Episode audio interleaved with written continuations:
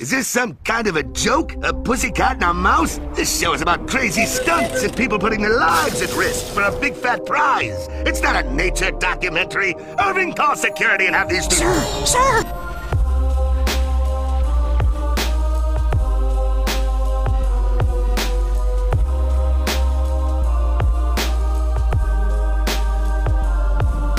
I, in my stories and novels, often write about counterfeit worlds, semi real worlds, as well as deranged private worlds, inhabited often by just one person, while meantime the other characters either remain in their own worlds throughout or are somehow drawn into one of the peculiar ones.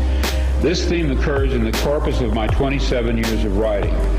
At no time did I have a theoretical or conscious explanation for my preoccupation with these pluriform pseudo-worlds, but now I think I understand. What I was sensing was the manifold of partially actualized realities lying tangent to what evidently is the most actual... Ja, welkom Dutch Matrix, de illusie van onze realiteit. Vandaag ben ik alleen met Ersan. Ersan, zullen we zomaar eens proosten op deze zondagavond? Proost. We doen lekker rustig aan met limonade. En water. Zeker, zeker, zeker. Hartstikke leuk dat je er bent. Ersan, wat ik even kwijt wilde voordat wij gaan starten. Dat we het gewoon eindelijk even over andere onderwerpen dan politiek hebben. Want eh, ik heb de laatste paar afleveringen over politiek gemaakt en daar eh, moest ik mee beginnen. En ik moet je zeggen, het is waar beladen. Dus eh, Ja. ik draag het met me mee. Ik moest weer gaan graven. Je komt veel ellende tegen. Het is wel heel belangrijk natuurlijk. Maar ik, ik moet zeggen dat ik blij ben dat we gewoon even naar een mysterieus onderwerp gaan. Klopt. Politiek komt elke dag voor natuurlijk. Hè. Politiek bedrijf je overal. Ja. Het zakenleven, in de gemeentes, in het publiek, in de, in de, in de samenleving. En dat helpt nooit op. zelfs thuis soms. Dus eh, Zelfs thuis, kijk, dat bedoel ik.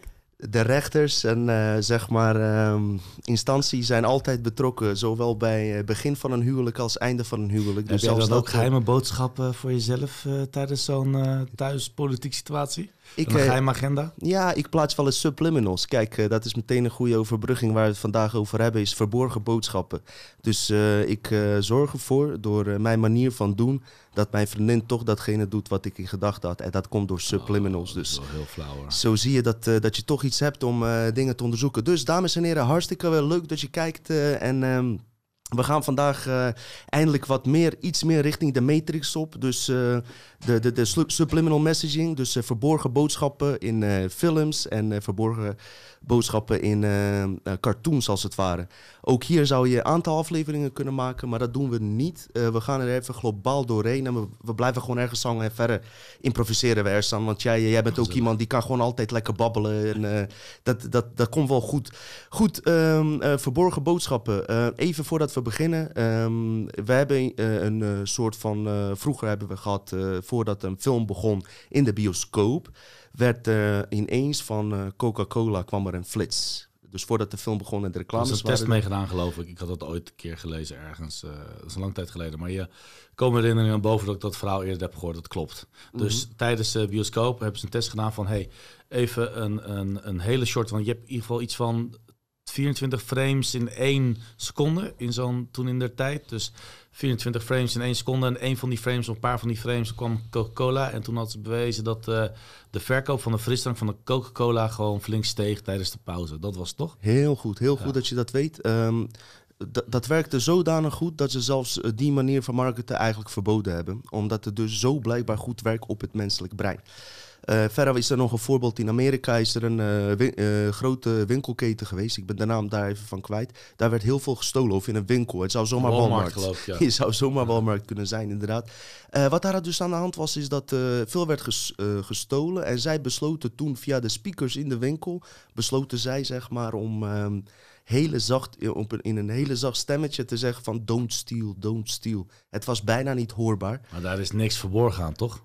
Eh, nee, maar eh, dat, dat, is, meer nou de, onderbewust. ja, ja, dat is de trick juist. Ook dingen dus, dus die je denkt niet gezien te hebben of niet gehoord te hebben, die slaan je hersenen dus wel op. En eh, daaruit eh, kunnen we wel onze handelingen plegen. En het bleek ook hieruit dat doordat ze dat deden, dat er inderdaad eh, veel minder diefstallen gepleegd werden. Dus hier is het even belangrijk om te weten, voordat we met subliminal messaging gaan starten en voorbeelden gaan geven, is dat het gewoon echt werkt en effect heeft op ons gedrag. En dat is opzienbarend als je kijkt naar zeg maar mind control programma's die bij kinderen van kleins af aan eh, eigenlijk worden gedaan. Bijvoorbeeld eh, onder andere in Walt Disney films. Eh, waarom is dit leuk onderwerp ook, Ersan? Is dat jij en ik eigenlijk ook via Mandela-effect... eh, jij en ik dan samen, als we over ons twee praten, terecht zijn gekomen. Want jij bent helemaal niet van de conspiracy-invalshoek gekomen. Nee, absoluut niet. Wij kwamen ineens met Mandela-effect. En eh, ik zeg het nu alvast, we gaan een aparte afdeling, aflevering eh, over Mandela-effect maken. Daar is Ersan zeker bij betrokken. En nog een speciale gast. Ik hou die nog even achterwege, omdat ik even moet afwachten wanneer hij komt. Maar als die, eh, als, die, als die er is, dan gaan we met z'n drieën zitten hier en w- wat eh, dieper op een Mandela-effect ingaan. Ook al heeft dit ook wel linken daaraan.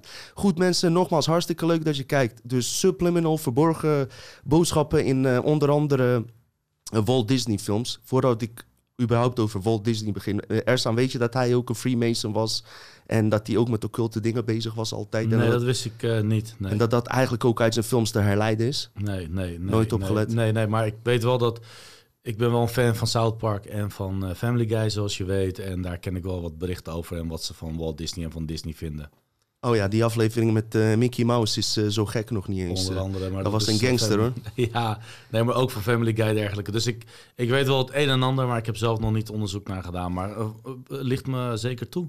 Nee, zeker even globaal, omdat we anders weer in de Freemasonry en geheime genootschappen ingaan. Dat is doen. deze aflevering niet. Maar het is wel mooi dat je kan zien dat alles aan elkaar gelinkt is. Dus ook die eh, zwaar beladen onderwerpen waar we vorige aflevering over hadden, zijn toch weer hieraan gelinkt. En dat wilde ik ook in deze podcast laten doen. Dat we gewoon een opbouw doen en dat je connectie, connecties herkent als het ware. Kijk, Walt Disney, ja, eh, Club 33 eh was van gehoord, eh, die zich bevindt in twee Disneylands, dacht ik. In Parijs en in Amerika. Pin me daar niet op vast. Eh, dat is een club dus. Misschien kan je... Ja, tuurlijk. Ja, ik ga gelijk mijn laptop pakken. Dat is het mooie ervan. Eh, eh, dus even voor de kijkers tussendoor, totdat Ersan ehm, de definitieve ding vindt. Het komt vaker voor dat ik een paar kleine foutjes maak. Ik- dus het is goed als zij dat even verifieert. Ik zie heel veel Club 33 Disneyland gelijk staan. En of dat gelijk, wat ik zie, of dat ook gelijk waar is, een ander verhaal. Maar ik kan Oké, in ieder geval even oplezen. Terwijl, jij, eh, ter- terwijl Ersan het eh, opzoekt, eh, kennis die ik daarover heb, ik heb in mijn eigen boek daar ook wat over geschreven, is dat het een elite groepje is binnen Disneyland. Ik heb er verschillende verhalen, hele nare dingen over gelezen. Dat, wat betrekking heeft tot pedofilie en, en noem maar op. Maar zou jij inderdaad eens even kunnen kijken wat er in een gewoon blad, dus geen conspiracy ding, gewoon een algemeen eh, bron die mensen misschien wat, eh, ja, waar ze mee, meer mee thuis zijn. Ja, dan, dan over, overstag je me echt meteen in één keer natuurlijk. Ik zie alleen dat er meerdere locaties zijn. Similar locations to Tokyo en Shanghai, Disneyland, Disneyland Park in eh, Orlando Square. Je hebt een bepaalde membership nodig. Invitation fee is 40.000 eh, dollar. Om in te komen, de membership pay is 25.000 dollar. Which are about 12.000 club 32 members. Maar daar ga ik gewoon een Wikipedia oplezen. Ik weet niet of dat de bedoeling is. Maar dat, het is wel leuk natuurlijk, want ik wist het niet. En zal het andere podcastmembers zijn die het ook niet weten. Die zullen hier ook meer onderzoek naar gaan doen. Club 33 members uh, and their guests have exclusive access to their ex- experience, which vary depending on type of membership. Dus verschillende, mem- je hebt dus verschillende memberships. Dus Club 33, als je daar binnen bent, heb je dus niet alle privileges in één keer. Dus je hebt ook allemaal verschillende Een privileges. soort van graden ook waar je naartoe kan Inderdaad. groeien binnen dat. Dus je begint met 45.000 euro entree. Onder en andere, daarna, ja. daarna wordt het waarschijnlijk steeds meer en meer. Eigenlijk een soort van eh, Freemason eh, graad eh, die je moet oplopen misschien. Ja, het kan ook gewoon een en ander over de luxe VIP lounge zijn natuurlijk. Zeker, zeker. Dus eh, ja, mooi dat Ersan er is. Hij houdt het echt oprecht open. Dus we spelen hier ook werkelijk geen spel, even voor mensen tussendoor. Het gaat altijd zo tussen Ersan en mij, als wij zeg maar hierover praten. En ik denk dat dit ook het sterk, deze podcast sterk maakt. Omdat we dus geen eh, good cop, bad cop spelen. Maar gewoon echt hoe wij ook, voordat ik deze podcast startte... Als we met elkaar zaten met de drankje, praten we ook zo. En dat is de reden ook dat ik Ersan eh, erbij heb gehaald. Omdat omdat het goed is voor mensen die hier net aan beginnen en misschien nog meer objectiever kijken dan ik zelf. Dan vind ik, eh, van mezelf wel dat ik redelijk goed onderzoek naar doe. Maar het is beter dat je, dat je het van meer perspectieven bekijkt. Dus nogmaals, uh, Ersan, uh, super tof dat je hier bent. In flitsen gebeuren er dingen, zeg maar, die ons onderbewustzijn uh, opslaat. En waar wij uit naar kunnen handelen. Dat, dat is dus verboden eigenlijk, maar het is nog steeds terug te vinden in Walt Disney cartoons. Zoals bijvoorbeeld bij The Lion King. Al vind ik deze het minst sterk. Maar uh, toch benoem ik hem, omdat zelfs mainstream wetenschap deze heeft erkend.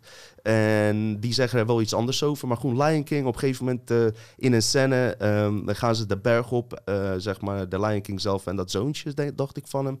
En dan schreeuwen ze wat uit en dan zie je in de wolken... zie je ineens het woord dan seks verschijnen. Om heel eerlijk te zijn, ik vind deze niet eens zo sterk... als, als je het vergelijkt met wat er straks gaat komen. Nee, nee maar er zijn, ik, weet, je wat ik leuk vind aan de Lion aan mijn Lion die ik nog kende bijvoorbeeld. Nou, het is absoluut nergens leuk aan. Ik weet niet of je die ooit eerder hebt gehoord.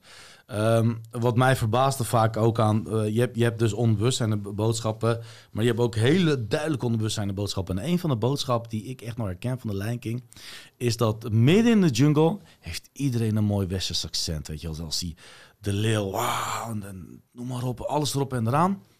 En dan komt er precies, in het Nederlands, hè, in het Nederlands gesproken, en dan komt er precies een aap, weet je mm -hmm. En die aap heeft een Surinaams accent. Oh, dat is me werkelijk waar niet eens opgevallen, ja, dat weet bedoel je ik maar. Nee. Wat, waarom, heeft, waar- waarom heeft de aap een Surinaams accent en de rest Ja.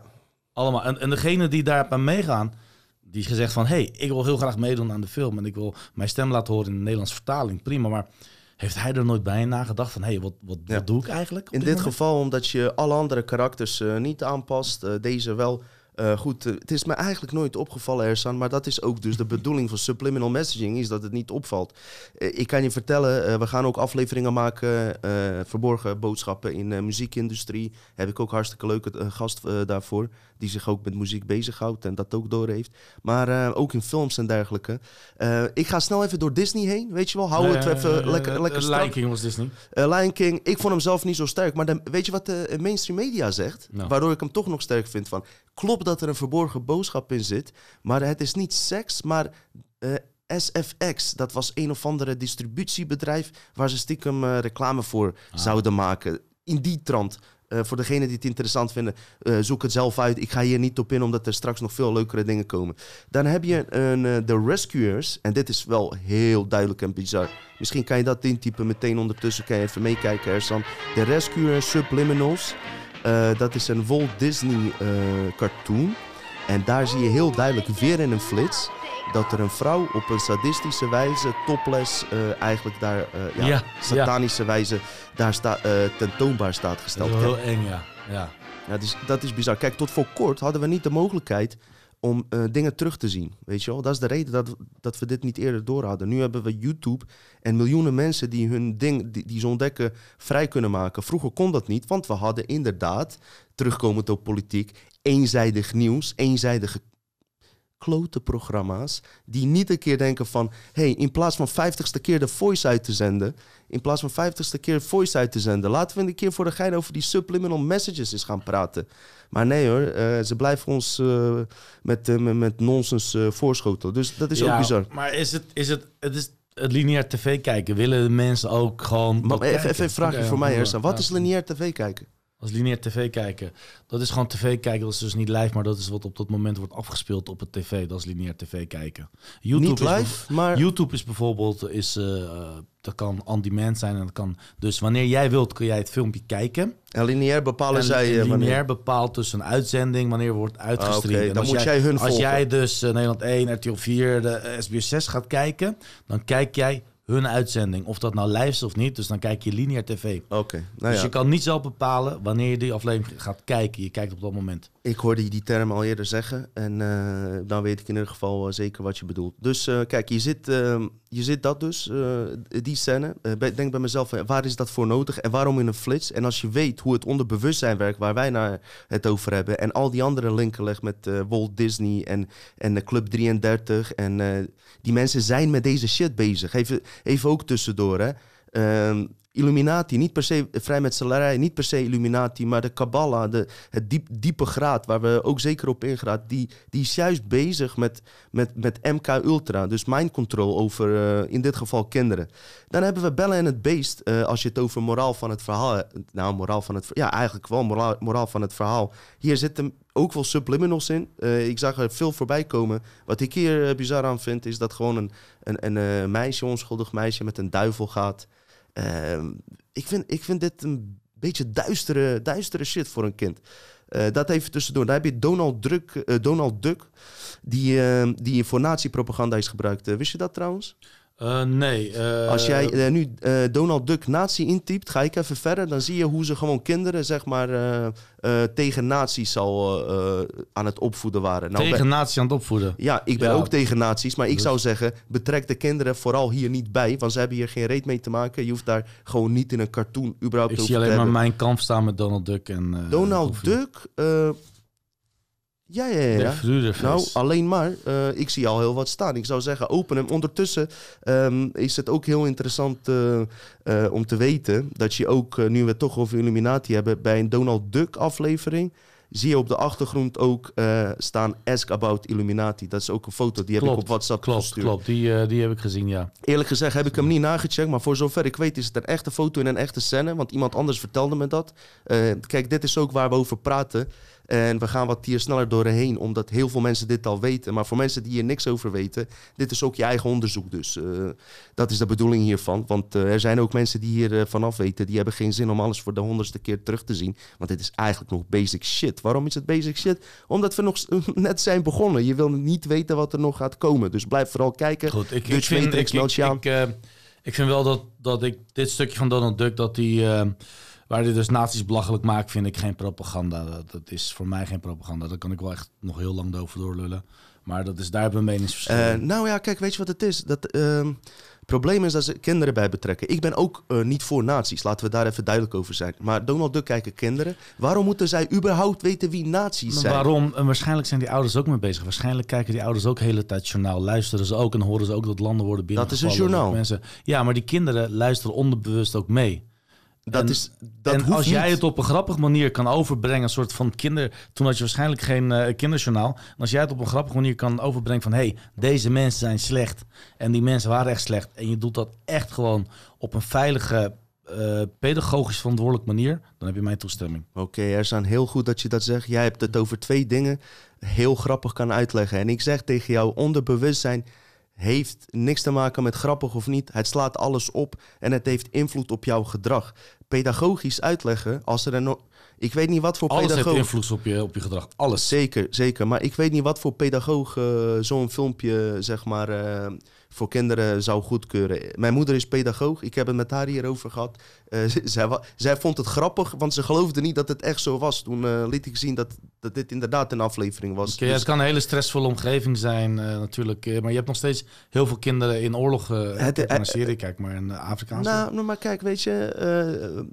Kijk, jij hebt het over journaal. Uh, ouder kan dan zelf bepalen, we gaan een journaal kijken en we leggen kinderen op bed, in bed of uh, weet je wel, kunnen ze niet meekijken. Maar op het moment dat een ouder Donald Duck uh, voor ze aanzet, let hij ook niet eens op wat er in godsnaam daar wordt afgespeeld. Ik schrik nog steeds bij de pleuris. als ik mijn kind de hedendaagse cartoons. de hedendaagse, ik heb het juist met de, de, vorige, vroegere nou, cartoons dat ik dacht van wow. Maar de, Vooral mijn tijd was het heel seksistisch. Ook, ja. maar ja, daar hebben we het nu over. Maar die nieuwe cartoons, uh, die, uh, die doen het er ook niet om. Ik zeg tegen jullie, van alle cartoons die er zijn op Netflix, enige die ik vertrouw is Buurman en Buurman. Voor de rest, het is een en al draconische uh, ellende. Want hoe meer je gaat graven, hoe meer je die cartoons ook gaat ontdekken. Eigenlijk zou ik zo tien afleveringen kunnen schieten alleen over cartoons, hedendaagse cartoons. Doen we niet. We mengen het een beetje bij me, uh, met elkaar en alles. Dus uh, Ersan, uh, persoonlijk, ja, we kunnen meningsverschil hebben. Maar persoonlijk vind ik dus dat politieke shit niet aan kinderen moet worden beladen. Want wat doe je daarmee? Je het zet niet Duits politiek, hè? Maar okay. Kijk, kijk, je zet Duitsland op dat moment zo neer alsof alle Duitsers dan slecht Nazi zijn. Duitsland. Nazi-Duitsland. Maar die kinderen die, die kunnen dat dus anders opvatten via dat onderbewustzijn. Ik denk dat het wel met programmering te maken heeft. Goed, dan heb je Mickey Mouse scène. Ik weet niet of je die hebt gezien dat hij eigenlijk gewoon een lul vasthoudt. Maar als je dan uitzoomt, dan zie je dat hij een, uh, die Minnie Mouse uh, eh, zeg maar, eh, omhelst. Ik weet, niet- ja, die moet jij ook wel kennen. We hebben, we hebben dit soort gesprekken wel vaker gevoerd, daar staan eigenlijk. Hè?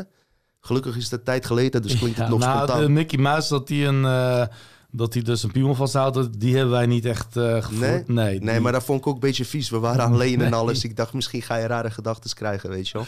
Ja, ik had ook toen eh, helemaal niks aan. geweest, ik had eh. niks aan en ja. Maar goed, ehm, eh, tussendoor dat Ersan dat plaatje opzoekt, als hij die nog niet wist. Mickey Mouse holding his...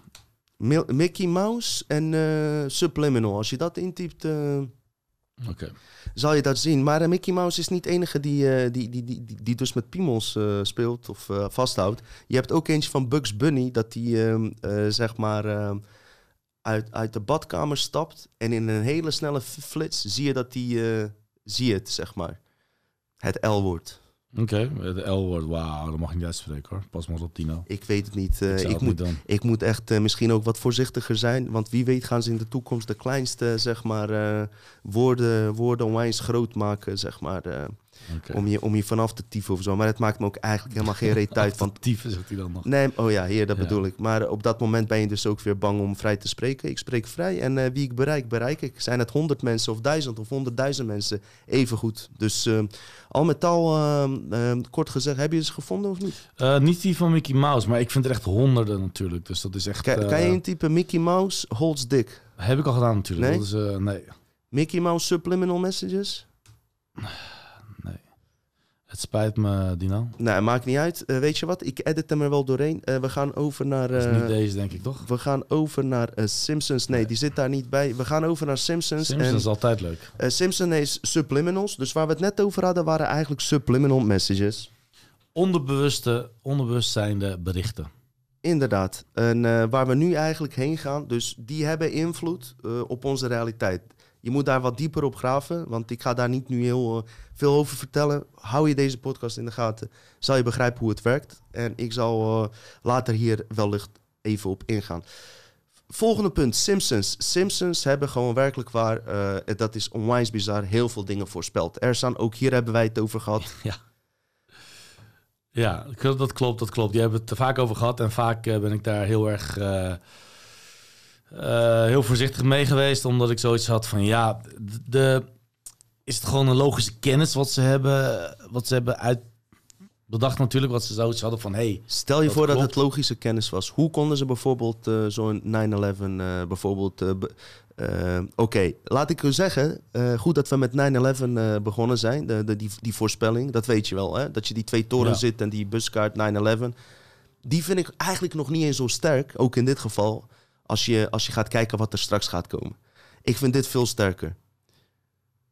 Voorspelling dat Trump president wordt. Jaar 1997, dacht ik. nee, ja, eh, ik zie hier Of Trump 2000? zou 2030 president worden. Oké, nee, maar ik heb het even over de aflevering. Welke aflevering dat was, dat ze dat voorspeld hadden. Dus mensen tussendoor eh, die echt geen reet weten, dan ben je echt triest hoor, als je dat niet weet. Donald Trump is in 2016 dus president geworden in het echte leven waar we leven. Ehm, ik dacht, eh, het maakt ook verder niet uit. Simpson heeft het daarvoor voorspeld, of in 2000 of ik denk 1997. Ja, maar dat komt natuurlijk. Waarom hebben ze het voorspeld? Waarschijnlijk heeft Trump heeft al vaker natuurlijk aangekondigd ook van hey, luister eens, ik ga voor de president. En als ik president ben, dan ga ik dit doen. Kijk, we kunnen ook nu allemaal, wat ook allemaal andere eh, voorspellingen kunnen doen van hey, die en dat wordt president. En als het niet uitkomt, dan laten ze dat niet meer zien. Dus of ze nou echt een glazen bol hebben en dat ze in die glazen bol kijken en dat ze precies weten wat er gebeurt. Of dat er gewoon een paar hele goede, slimme, knappe koppen zitten die een denktank zijn, die goed, goed weten van hey, wat zou er kunnen gebeuren. Want ze hebben het wel voorspeld dat het, ik zie hier staan dat het de story in uh, in 2030, dus dat die in 2030 president. Ondertussen dat uh, Ersan overtuigd raakt van uh, dingen waar ik het over heb, heeft Google ook FaceTime uh, zeg maar voorspeld in 1995 dat je via telefoon met elkaar kon bellen. Een smartwatch hebben ze voorspeld en het ebola-virus is in 1997 duidelijk over gehad en gedocumenteerd. En ebola-virus is 2014 uitgekomen. En wist je van die tijgeraanval dan, Ersan? Nee, maar dat, dat is... Um... Heb je nou die een al gevonden? Nee, ik, ik, ik heb een veel betere. Ik heb echt een veel betere. Ik, ik begrijp de Simpsons, maar ga maar even door met, uh, met de Simpsons. Maar de ebola, kijk... Ja, vaak wordt er ook gezegd van, eh ja heel vaak maken de Simpsons ook een aflevering daarna en dan wordt er gezegd dat het daarvoor afspeelt. Nee, nee, nee, nee. nee. Ersaan, dit is echt uitgezocht. Jongens, ook de kijkers die kijken, zoek het altijd uit. Neem nooit iets aan van... Verder, tijgeraanval. Heb je dat gehoord? Twee ge- tijgeraanval. Ze hadden Ja. voorspeld dat die twee Duitsers, twee magier, eh, twee magiërs, hoe noem je dat? Goochelaars of nee? Een beetje Hans Kazan-stijl. door tijgers zouden worden aangevallen. Wat bleek inderdaad is dat gebeurd later. Met heel veel details. Witte tijger. Siegfried en. Roy. 17 jaar daarvoor. Waar staat daar daarover? Weet je dat nee, nee, ik zocht ze gewoon op. Dat was Siegfried en Roy natuurlijk. Die, die, eh, die gaven altijd een lion show natuurlijk. Inderdaad, inderdaad. Verder heb je dat eh, Disney Fox over zou nemen 20 jaar later. Kijk, dit kan. Eh, Simpsons heeft ook duizenden afleveringen gemaakt. Tuurlijk kan er ook toeval bij spelen. Eh, maar ehm, ik zag iets voorbij komen en dit heb ik dus niet onderzocht. Dat zeg ik ook meteen maar bij. Misschien is het onderzoeken waard voor mensen die kijken. Ik zag iets komen, eh, voorbij komen over coronavirus met een screen dat Simpson het voorspeld heeft. En jij vertelde daar ook iets over dat je niet terug kon vinden. Nee, nee, nee. eh, ik, eh, dit is Simpsons Predictions Do It Again. Natuurlijk zeiden ze van eh, over de eh, Wuhan-virus natuurlijk. Want in Wuhan, je moet je niet vergissen waar die virus vandaan komt, de corona. Dat daar natuurlijk een hele grote eh, biologische basis is. En een, eh, een, een Chinese eh, fabriek waar ze dus echt gewoon virussen maken. En Simpsons, die hebben natuurlijk wel een hele grote denktank. Die weet ook het een en ander meer. Dus waarschijnlijk wisten ze al in het eerder verleden van... hé, hey, daar kan iets uitbreken. En dat noemen we gewoon een Wuhan-virus. Want we noemen het nu wel coronavirus, maar het is net zo goed zo'n Wuhan-virus. Maar ja, het is niet bewezen van of dat echt heeft plaatsgevonden. Ik heb die serie proberen af te kijken. En voor het gedeelte dat ik die serie heb gezien... heb ik het niet kunnen terugzien. Ze hadden het over eh, Season 4, episode 21. eh, seizoen 4, aflevering 21. Ik heb niet kunnen terugkijken dat het echt gebeurde. Laten we dit gewoon eh, aan, de, aan de kijker dus overlaten. eh, zodat ze hun eigen onderzoek kunnen doen. En misschien later tegen ons kunnen zeggen... hey, jongens, jullie hadden wel of geen gelijk. Dus eh, laten we ze ook meteen even bij betrekken om dit uit te zoeken. Ehm, is het interessant? Ja, het is zeker interessant. Waarom? Omdat ik in mijn volgende podcasten, als we even dieper doorgroeien, onze kracht van creatie kenbaar wil maken. Wat houdt het in? Ik denk, dit is mijn theorie, niet alleen van mij, maar wellicht ook van meerdere mensen. Gaat als volgt. Wij mensen kunnen dus, en daar kom je op dat verhaal van eh, kwantumfysica en de kracht van creatie, de wet van creatie. Door dingen te observeren, kunnen wij, eh, kunnen wij zeg maar eh, onze werkelijkheid creëren. Goed. Als de designers van de Matrix of de heersers van de Matrix, ehm, die zijn afhankelijk van ons. Wij houden deze Matrix in stand. En dat zal ik later in de latere podcast uitleggen hoe. Eh, wij houden ze in stand door onze creatiekracht. En, eh, maar we hebben ook iets als collectieve kracht. Dat is als wij eh, met meerdere mensen dus onze aandacht focussen op een bepaald onderwerp, op iets. Dan is de kracht groter om het algemene hologram te veranderen. Dit is even ingewikkeld. Maar mensen die eh dieper graven op kwantumfysica weten wel waar ik het over heb. Dus wat zou het kunnen zijn, wat, wat het voor mij logisch maakt... Eh, media, eh, nou in voorgaande afleveringen is, en veel mensen weten het, is in handen van eh, dit soort occulte figuren die weer werken voor de nog hogere macht, de hogere wezens. Dan gaan we echt naar een multidimensionaal level. Dan is het ook logisch dat ze bepaalde boodschappen in films kunnen plaatsen. En, vooral populaire films zoals Simpsons, waardoor daar miljoenen mensen naar kijken. Dus er is heel veel energie dat daarop gefocust is. En als ze daar boodschappen in plaatsen die passen bij hun agenda, bij hun tijdlijn van deze matrix, hoe zij hem willen hebben, dan zou dat heel goed kunnen kloppen. Maar dan moet je even verder luisteren naar de, naar de komende podcast waar dit over gaat. Want ik kan me voorstellen dat mensen er niks van begrijpen. Ik denk dus dat het met creatiekracht van de mensen, eh, van de mensen heeft te maken. Krachten die wij niet kennen en zij wel. En zij gebruiken die tegen ons. We gaan even snel hier doorheen. Ehm Ersan, eh, want waarschijnlijk weet jij ook hier niet veel over. Hè? Wat voor Nee, krachten maar wij is, hebben. het, het, het klinkt wel heel logisch. Ik, ik, ik geloof wel in energie en energievorm. Dus als jij met z'n allen denkt dat iets staat gebeuren en er komt spanning op, kan natuurlijk gebeuren. Maar er zijn ook heel veel voorbeelden in de geschiedenis waardoor iets waar heel veel spanning op zat en niet is gebeurd. Dus ehm, ja, het is een lastig onderwerp, het is een moeilijk onderwerp. Maar ik geloof zeker in een bepaald vorm van energie en dat je met een bepaalde denkwijze iets alsnog kan voor elkaar krijgen. Ik hoop nog steeds dat ik die lotto win. Niet dat ik veel gelukkiger word met geld, maar het maakt het zeker wel gemakkelijker. Ehm, maar het is nog steeds mij niet gelukt. Even meedenkt aan mij, mee, eh, aan alle podcastluisteraars. Echt, help me allemaal mee, zodat ik die jackpot win. Kom op. Staalsloterij show. helpen mee, helpen mee. Dus eh, ja, denk je in dat Ersan gaat winnen? Of Ja. jij zelf? Kan ook natuurlijk. Nee, maar mij, want dan krijg je die PC. Ja, ja, ja. Laten we een test doen, kijken of het werkt. ik, eerst zien dan geloven. In ieder geval, ik geloof je wel, Ers. Jij bent zien vrijgevige gozer. Jij jij bent hele vrijgevige gozer. Nee joh, ik maak maar een geintje. Het Komt allemaal goed. We zijn bezig inderdaad. Dus eh, als ik van mezelf weet dat ik alles kan creëren... kan ik toch ook eigenlijk die computer creëren, toch? Ja. Ik zou mezelf tegenspreken als het niet zo was. Eh, we gaan even over naar de Family Guy. Eh, die heeft ook bizarre voorspellingen gedaan. Althans, die daaraan gelinkt zijn met eh, Robin Williams. Dat die doodging. Bijna een paar uur. Dat is ook bizar, hè? Dood van Robin Williams. Moet je maar daar eens even naar kijken. Kijk, dit, zijn dingen die heb ik, heb ik niet diep op ingegraven. Maar ik hoor dat voorbij komen, weet je wel. Van mijn collega vooral. Ehm, Simpsons aflevering komt. Of nee, Family Guy eh, aflevering komt over de dood van Robin Williams. En een paar uur later gaat hij echt dood. Dat is Nee, wat ik ik- hoorde. Ja. Kan jij eens even nakijken? Ondertussen vertel ik nog wat anders. Wat Family Guy heeft voorspeld, is dat Bruce Jenner uiteindelijk straffe vrouw is geworden. Eh, dat is te herleiden ook uit eh, Family Guy. Want Ja, daar, en daar, eh, daar blijven ze iedere keer over herhalen. Zeggen ze in verschillende series, want ik ben echt een Family Guy liefhebber. En in verschillende series zeiden ze van... Hey, we predicted this at this and this. Zeker. Dus als hun iets hebben predicted hebben... dan blijven ze daar ook op verder hameren. Maar ja, op iemand zijn dood te blijven hameren... dan geloof ik ook in dat dat niet zo netjes is. ik zeg je ook heel eerlijk. maar van, komt dat echt omdat ze van... Hey, ze hebben inside information. Ze weten dat die man depressief is. Ze weten dat het niet langer doorgaat. Of ze, ze weten van... Hey, nou, de- deze gast die gaat gewoon echt eh, omgebouwd worden. Weet je... Dat kan het ook Ja, zijn. Het is, het, is, het is niet dat ze een bepaald... Of geloof jij dat hun in, iets wordt ingesproken? Nou, da- da- daar kom ik straks op terug. Maar wat jij zegt is in dit geval ook mogelijk. Maar eh, ook vooral in dit geval, die Brad Redner, dat is producer van onder andere film Rush Hour en X-Men, werd in, eh, bij eh, Family Guy als een eh, eh, verkrachter eh, aangemerkt en dergelijke. En later was hij ook gepakt. Maar dit zijn ook inside dingen die ze konden weten. Dus Ja. weet je, dat, maakt het wel logischer. Maar deze vind ik bizar. Boston Marathon, dus die bom die daar is gevallen.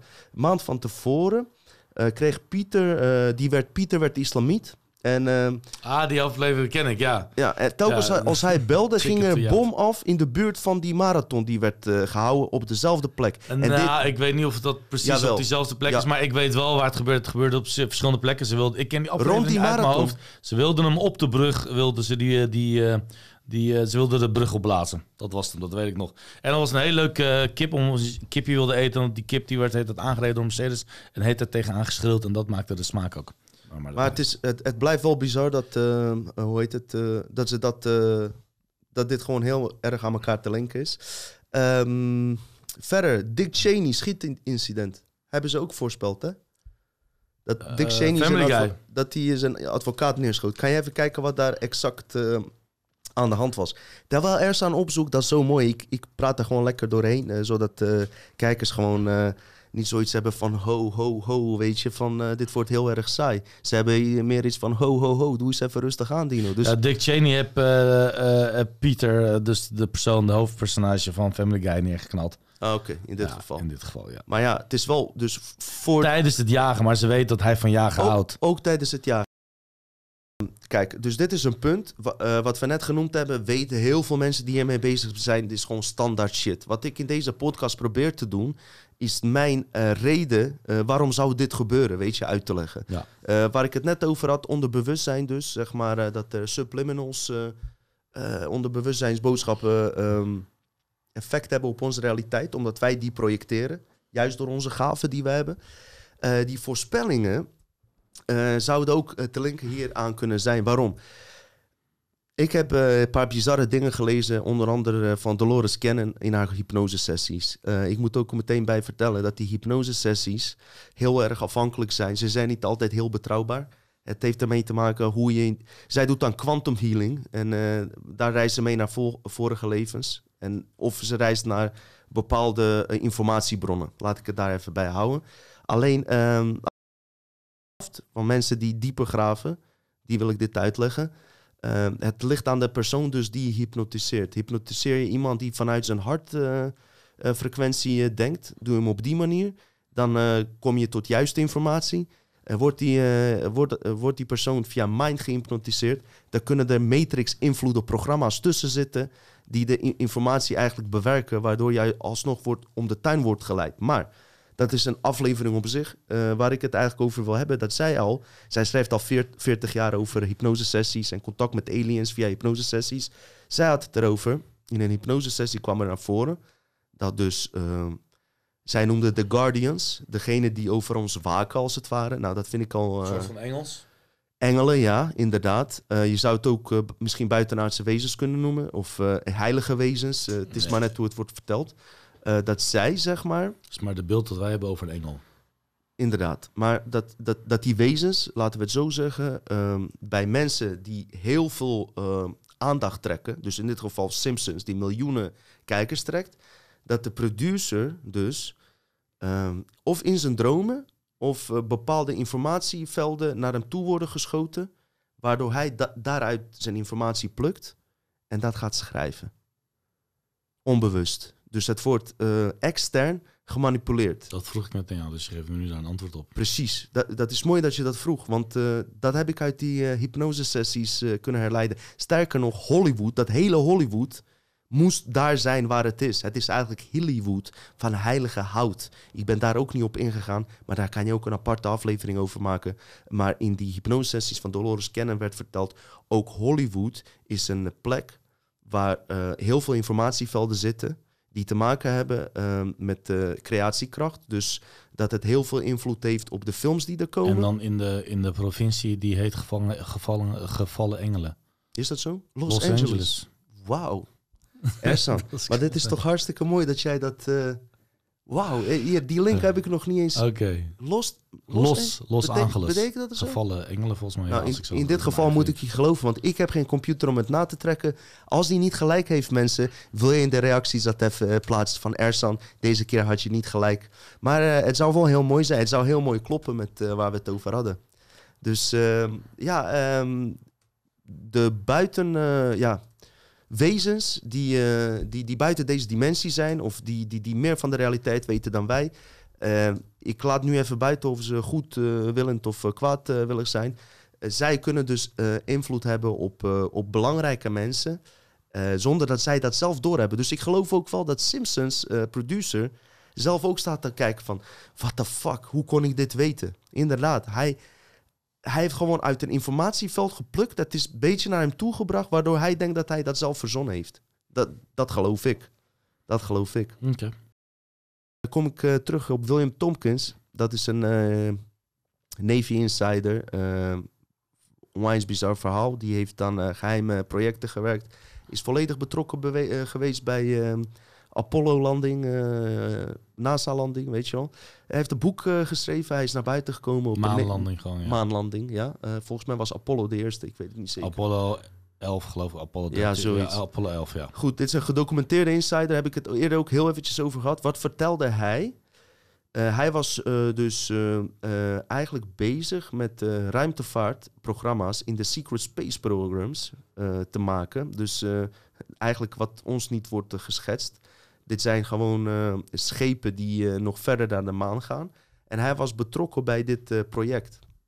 En hij vertelde dat in zijn dromen kreeg hij soort van informatie hoe hij deze ja, voertuigen, vaartuigen, hoe je dat noemt, ja, voor, ja. moest bouwen. Sterren, sterrenschepen. Ja, sterrenschepen. Dus dat vertelde hij. Het is een gedocumenteerde insider. Hij vertelde ook dat er gewoon af en toe hele vreemde uh, gevallen waren. Dat ze gewoon bezig waren met het project. En dat er gewoon twee lekkere wijven ineens binnenkomen. Midden in die vergadering waar ze eigenlijk niet konden komen. Want er is zoveel be bewaking. En zij komen daar en ze vertellen hun exact wat ze moeten doen, zeg maar. Dat ze op fout of spoor zitten. En zij denken eerst, wat de fuck komen zij doen? Wie zijn dat? Ze komen in korte rokjes, hoge hakken, noem maar op. Super lekker, weet je wel. Ze hebben, gelijk, daar, hebben ze gelijk de, de aandacht natuurlijk. Van ze komen daar en ze vertellen van tussendoor op een hele grappige wijze... Hey, maar misschien zou je daar en daar naar kunnen kijken. Dus zijn uh, overste of degene die dat project leidde zei van... wie de fuck heeft hun hier uh, gezet en waar de fuck hebben zij het over? En wat bleek, uh, een paar weken later, bleek het inderdaad aan dat probleem liggen... wat zij vertelde. Althans, wij kunnen hier een aparte aflevering over maken. Gaat dus over, dat gaat dus over in de 1950 of zo, wanneer wanneer ze in de lucht zijn gegaan. Dat gaat dus echt over de Apollo's spacecrafts. Het gaat nog veel dieper. Dit zijn eigenlijk secret space programs. Eh, dat is even met Operation Paperclip te maken. Dus het programma van eh, Hitler. eh, die hebben ze na de Tweede Wereldoorlog verplaatst naar Amerika. En die is eigenlijk voortgezet door de nazi's. En William Tompkins is gewoon hier vol betrokken bij geweest. En eh, heeft maar een goed, het- als het belangrijkste wat jij tegen mij zegt van geloof ik of mensen beïnvloedbaar zijn door frequenties of door bepaalde energielevels om eh, eh, een bepaald gedachte over te brengen. Ja, je, het stond zelfs in, in de Bijbel bijvoorbeeld. Hè, dat is al dat hij zijn kind wil offeren aan God. Weet je, dat heeft hij dus ook al binnengekregen. Dus het, het is, dit komt al eeuwen oud voor. Ja, inderdaad, inderdaad, zeker weten. Ehm, wat is dus het geval? Eh, ehm, is dat er dus eh, multidimensionaal eigenlijk, dus dat zijn gewoon invloeden buiten onze dimensie op die eh, invloed op ons kunnen hebben. Ze fluisteren dingen als het ware, of eh, als je een belangrijk persoon bent, kunnen ze je beïnvloeden. We gaan ook een aflevering maken over eh, mind co- control in de muziek. Zo, zo, zo kan je zien hoe mensen hè, de, de deal met de duivel hebben gesloten, wat ze werkelijk vertellen. Dat heeft zeker te maken met deze multidimensionale invloeden eh, van buitenaf.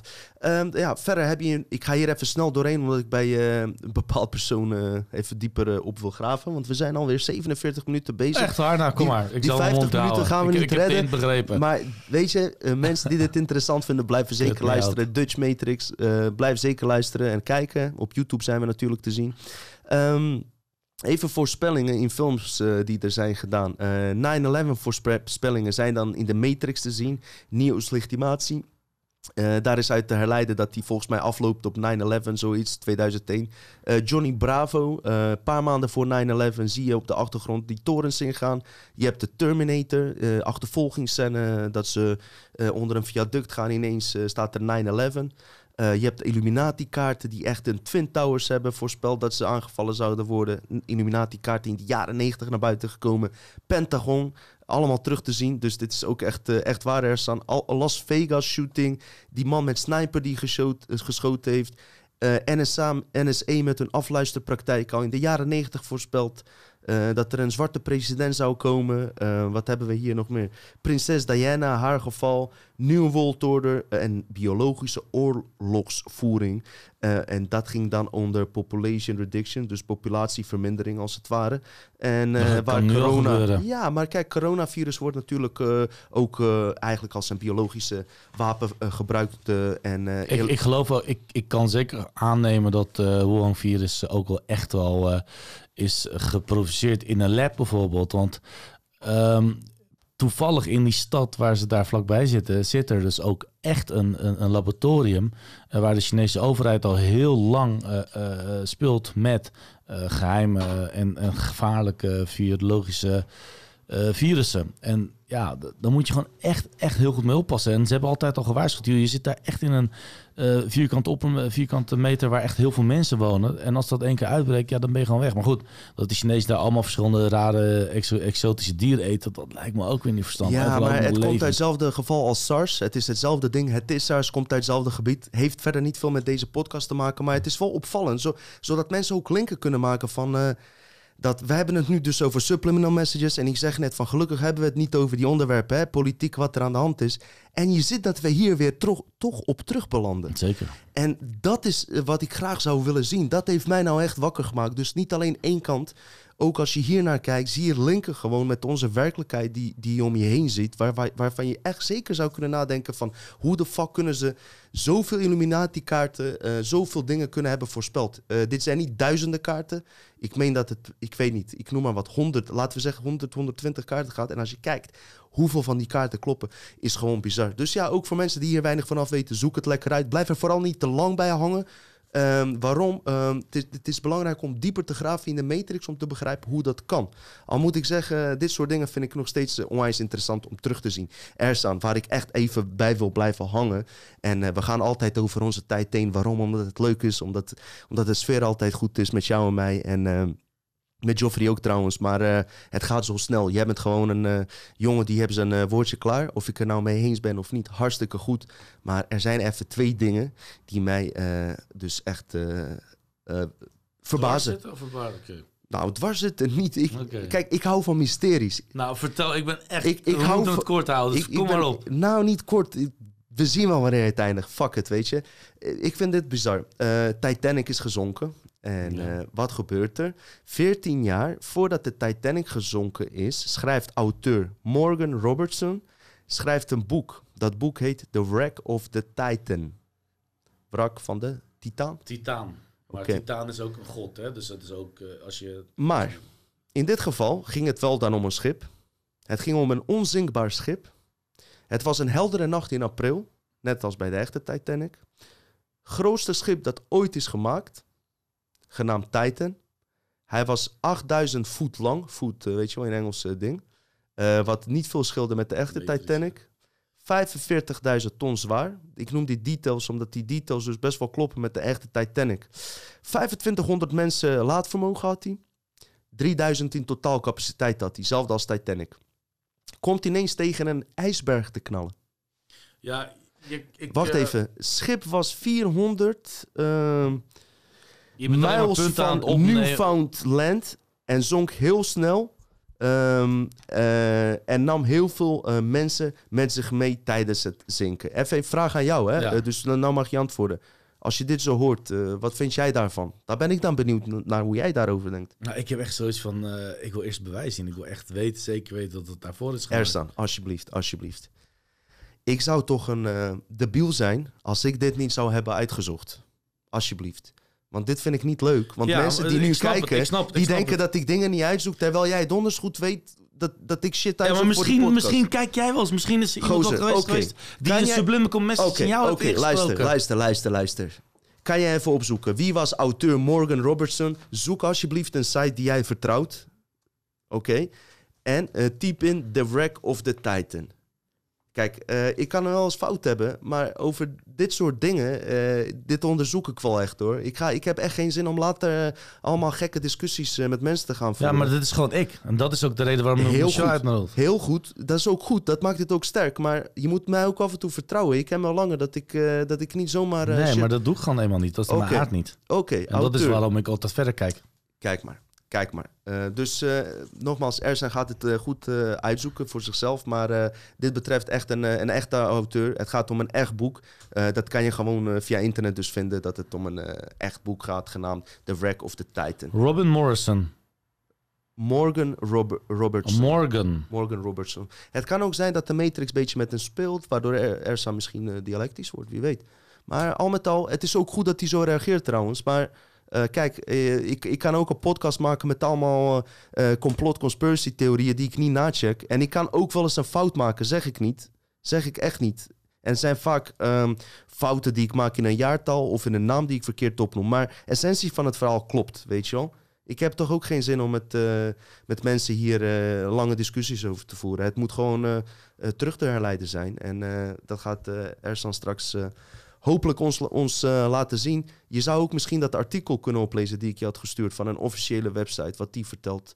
ehm, om misschien ook eh, de kijker eh, wat meer helderheid te geven. Ondertussen wil ik jullie sowieso bedanken dat jullie meekijken. Ook mijn Facebook, eh, Facebook vrienden, andere vrienden, kennissen. Mijn vriendin die eigenlijk hierboven is en die, ja, die, die mij de, de kans geeft om dit te doen. Voor hetzelfde geld zeggen ze: hey, je bent alleen maar met die, met die podcast bezig. Waar ben ik in dit verhaal? Waar ben ik in dit verhaal? We hebben een kind. Maar er is nooit tijd voor mij. Nee, zo is mijn vriendin niet. Af en toe wel, maar eigenlijk meestal niet. Dus met andere woorden, ook zeker respect voor haar. Want al had ik zo'n meisje die, eh, die het mij niet gunde, zeg maar. En die, eh, die, die alleen aan zichzelf dank, was dat niet mogelijk geweest. Dus al met al, eh Ersan is nu bezig met alles Ja, nee, ik zie het hier staan. Het staat hier letterlijk gewoon... eh, Vertel eens.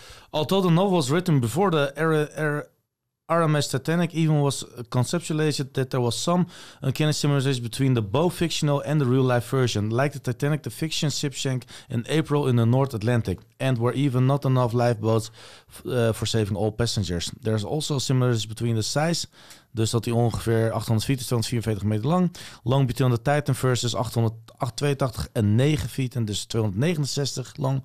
In speed, Mag ik even life-saving even equipment after the Titanic sinking, some people corrections with the precision clarification. Robertson denied this and subsequently sold her uh, to do similars with the Iets, iets results. langzamer, Ersan. Iets langzamer.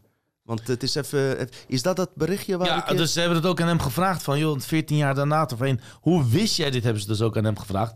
En hij heeft altijd alles ontkend van, joh, ik schreef gewoon een boek. Eh, naar mijn mening was het dus gewoon van eh, eh, logische kennis. Maar ja, dat zijn heel veel. Dus eh, was hij van bewust? Wist hij het misschien? Ik, ik, je weet het niet. Je weet het niet. Inderdaad, inderdaad. En eh, dit is ook eh, iets wat gewoon heel toevallig is. Er zijn gewoon heel veel details die, eh, zeg maar, eh, overeenkomen, weet je wel. Je kan wel een paar details eh, zeggen, het is toeval, het is toeval. Maar mensen die hier langer mee bezig zijn, die weten dat toeval niet bestaat. Zo en zo niet. Alleen voor mensen die net kijken, je kan je dus afvragen, een aantal dingen kunnen toevallig zijn. Maar als je al die dingen die we net al hebben verteld, met elkaar linkt, zou je kunnen nadenken: hey, is er niet gewoon wat meer aan de hand? Ik zeg niet dat je het moet geloven, maar ook in dit geval is het gewoon: geef het de ruimte aan een andere theorie, weet je wel?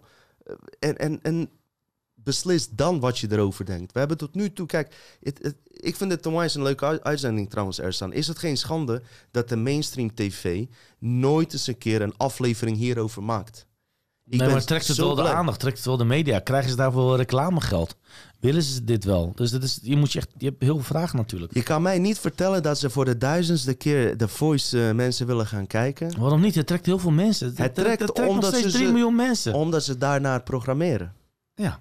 Maar als zij deze onderwerpen interessanter zouden maken. Want dit zijn best wel mysterieuze dingen. Op zeker dat mensen daarnaar gaan kijken. Maar jij zegt, jij hebt ooit tegen mij gezegd, zoveel procent van de mensen zijn robot. Zeker. Nou, hoeveel procent van die 70. mensen die, eh, de, de- hoeveel mensen van die tv kijken, hoeveel daar dan over robots?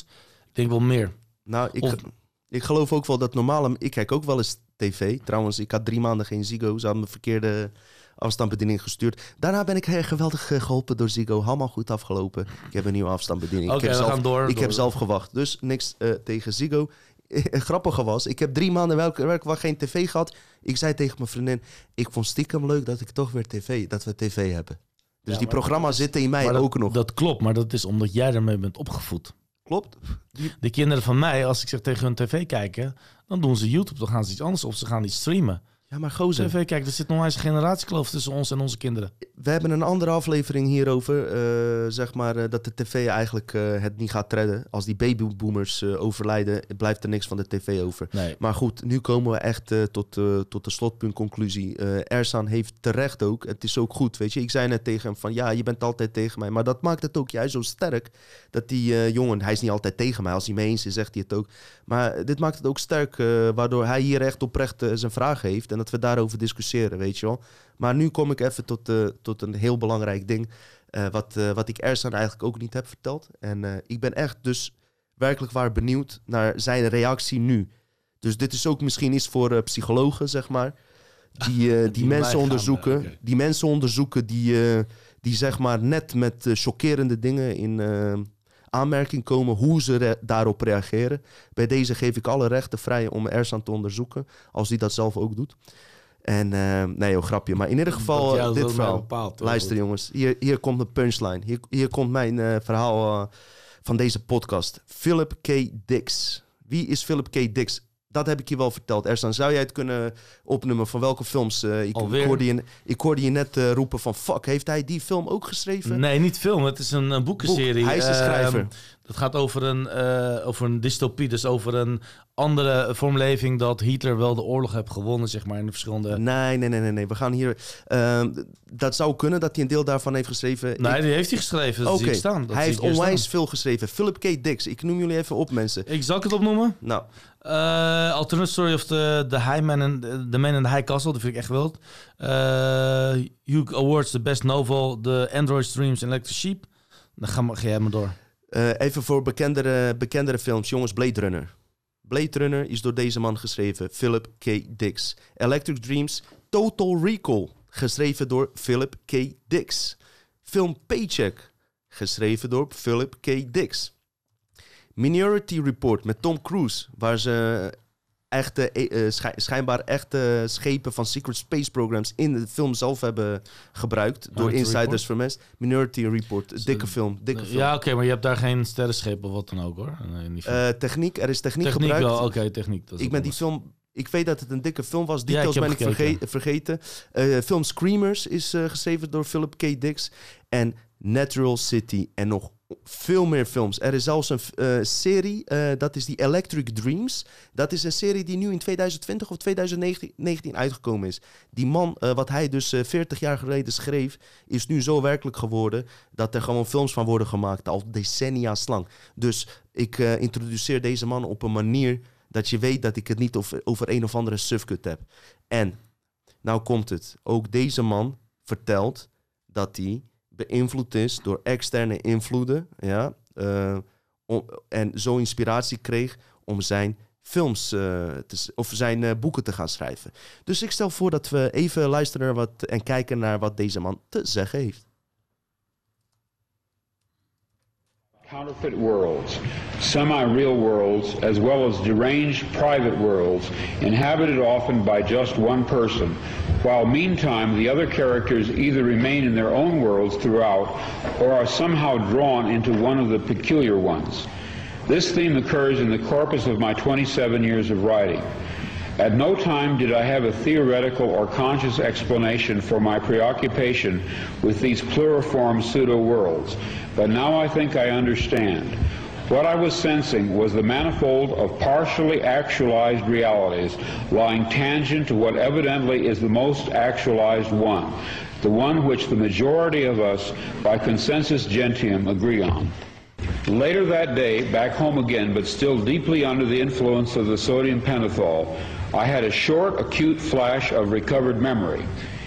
Then in mid-March, a month later, the total body of memories intact and entire began to return. You are free to believe me or to disbelieve, but please take my word on it that I am not joking. This is very serious, a matter of importance. At that time, I had no idea what I was seeing. It resembled nothing that I had ever heard described. It resembled plasmic energy. It had colors. It moved fast. It collected and then dispersed. But what it was, what he was, I am not sure even now. In other words, it's a common theme in my writing that a dark-haired girl shows up at the door of the protagonist and tells him that his world is delusional, that there's something false about it. Well, this did finally happen to me. I even knew that her hair would be black. I had an actual complete sense of what she would look like and what she would say. She did appear, she was a total stranger, and she did inform me of this fact that some of my fictional works were in a literal sense true. I wrote out these dreams in novel after novel, story after story. To name two in which this prior ugly present obtained most clearly, I cite The Man in the High Castle and my 1974 novel about the U.S. as a police state called Flow My Tears, the Policeman Said. I'm going to be very candid with you. I wrote both novels based on fragmentary residual memories of such a horrid slave state world. People claim to remember past lives. I claim to remember a different, very different present life. I know of no one who has ever made this claim before, but I rather suspect that my experience is not unique. What perhaps is unique is the fact that I am willing to talk about it. We are living in a computer programmed reality and the only clue we have to it is when some variable is changed and some alteration in our reality occurs. We would have the overwhelming impression that we were reliving the present, deja vu, perhaps in precisely the same way, hearing the same words, saying the same words, I submit that these impressions are valid and significant. And I will even say this, such an impression is a clue that at some past time point, a variable was changed, reprogrammed as it were, and that because of this, an alternative world branched off. Nou goed, Ersan, ik wil direct jouw uh, reactie hierop. Ja, het laatste stukje wat hij zegt, dat is echt wel mooi. Hij zegt dus echt, uh, wanneer een variabele is veranderd, dus wanneer uh, iets eh, waar dus meerdere eh, verschillen uit kan komen. Dat daar meteen een vertakking is gekomen, waardoor er meteen een vertakking wereld is. En dat, dat zie je ook terug. En dat, dat lees je ook terug in zijn, in zijn boek van de Man High Castle. Daar waar je echt heel veel Die heb aandacht jij gelezen, hè? hebt. Ja, dit is, dit is echt geweldig. Het is echt een geweldig boek. Het is, ik moest wel echt wel een paar keer echt opnieuw lezen. Vooral het stukje ook over een stukje kwantumfysica en over eh, dimensionale eh, werelden. Ehm, en daar gingen ze dan vaak uit dat ze wel gelijk wisten waar het over ging. Maar het klopt wel. En in, in, in mijn theorie, in, in mijn leven, wat ik ook zie, is dat ik zie dat ook ik als IT'er, dat ik heel vergelijkenissen kan trekken tussen het leven en het programmeren. Ehm, eigenlijk zit er niet zo heel veel verschil tussen. En wij hebben het in deze podcast over programmeren van eh, e- eh, eerste stuk kinderen en eh, eigenlijk ook volwassenen. En eh, dat, mis- misschien komen we het nu meteen tot de eindconclusie als het ware van... hier zit zeker iets meer achter. En Philip K. Dix die heeft het hier dan over. Maar ook... wat, wat, ik, wat ik echt oprecht jammer vind, is als ik zo kijk dat die man echt op een, op een vroege leeftijd is gestorven ook. Ja. Dat vind ik echt jammer. Ja, zeker. Hij heeft eh, bizarre ervaringen gehad. En wat hem sterk maakt gewoon is... Het is Philip K. Dix. Kijk eens naar wat voor, wat, wat voor boeken hij ge- heeft geschreven... en wat daaruit is gekomen. Kijk, en ik probeer hier ook maar gewoon... hij zegt ook echt letterlijk dat hij dus echt flashbacks heeft gekregen, vlichten heeft gekregen. Dat hij, maar hij gelooft ook sterk dat hij die realiteit gewoon echt heeft meegemaakt. En dat hij op basis van die realiteit dus ook dat hij daar iets over heeft geschreven gewoon. Ja. Dat zegt hij gewoon letterlijk. Ja, en eh, wij hebben het ook over eh, komende afleveringen... zeker over eh, parallellevens, meer, meerdere dimensies. En, eh, Maar dat zie je ook Hij terug is in, de, in Man in the High Castle. Dat krijg je ook terug. In de Man in the High Castle zie je ook dat, dat hij in zijn bewustzijn kan verplaatsen naar een andere dimensie. Alleen in die dimensie moet die persoon er zelf niet meer zijn. Of, of dan weer wel, maar daar kunnen we weer later achter over.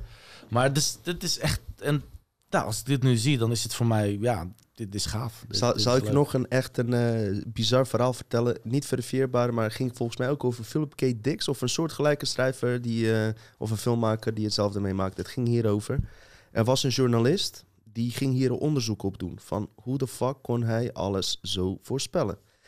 Wat gebeurt er? Ik ga echt proberen die documentaire terug te vinden. En eh, het, is, het is zeker interessant.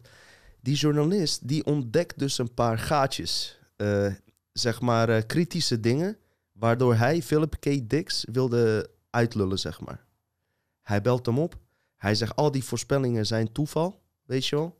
Eh, het heeft niks met eh, andere werkelijkheden te maken. Ik hoop dat het klopt. Ik kreeg nu rillingen nu ik het vertel. Het kan een andere schrijver zijn geweest, maar volgens mij is het Philip K. Dix. Weet je wat er toen gebeurde? Philip K. Dix zegt: Pak die en die boek. Lees die en die hoofdstuk, die en die bladzijde. Wat was er op die bladzijde? Een journalist die belt, die kritisch belt naar, eh, naar hem, die het niet gelooft. Ja, prachtig. Oké, mensen, Ja, hey, dit is natuurlijk... eh, ik eh, stel voor om eh, deze, deze hele mooie aflevering eh, rustig gaan in een, eh, in een vervolg in de toekomst eventueel te brengen. Want hier, dit zijn onderwerpen eigenlijk waar ik het echt heel graag over heb. Ersan, weet je, wij zijn ook zo bij elkaar eigenlijk gekomen als het Ja. hier om gaat, toch? ja, zeker. Mandela effect, daar hebben we echt een aparte aflevering over. En dat, dat, dat zijn ook bizarre dingen. En dat heeft zeker, dat kan verklaard worden door de matrix-theorie. Dus de essentie van deze podcast. Daar gaan we aparte afleveringen over maken. Hier ook, dit kan je zelf onderzoeken. Je kan ervan vinden wat je wilt. Eh, het is in ieder geval heel interessant. Veel interessanter dan al die onzin die op tv komt. Dus ik hoop echt dat ik eh, samen met Ersan in dit geval jullie een eh, leuke aflevering heb gebracht. Ersan, heb jij hier nog wat aan toe te voegen, jongen? Ja, ik heb nog heel veel, maar daar gaan we echt nog een keer 50 minuten over praten. Gaan we zeker doen. Zeker. eh, we zitten lekker in de stemming. We kunnen misschien een deel 2 maken over. Ja, dan gaan we het hebben over bijvoorbeeld John Up, Rupert, de bedenker van Scientology. En daar is echt een geloof uitgekomen. En dat is ook een science fiction schrijver. Ja, en wie weet kloppen er heel veel dingen daarvan. Al met al mensen, hartstikke leuk dat jullie hebben gekeken. Ik ben Dino Saras, dit was Ersan. En we gaan jullie beloven in de komende, komende afleveringen heel veel goede shit te brengen. Hele fijne avond, groetjes. Buonasera.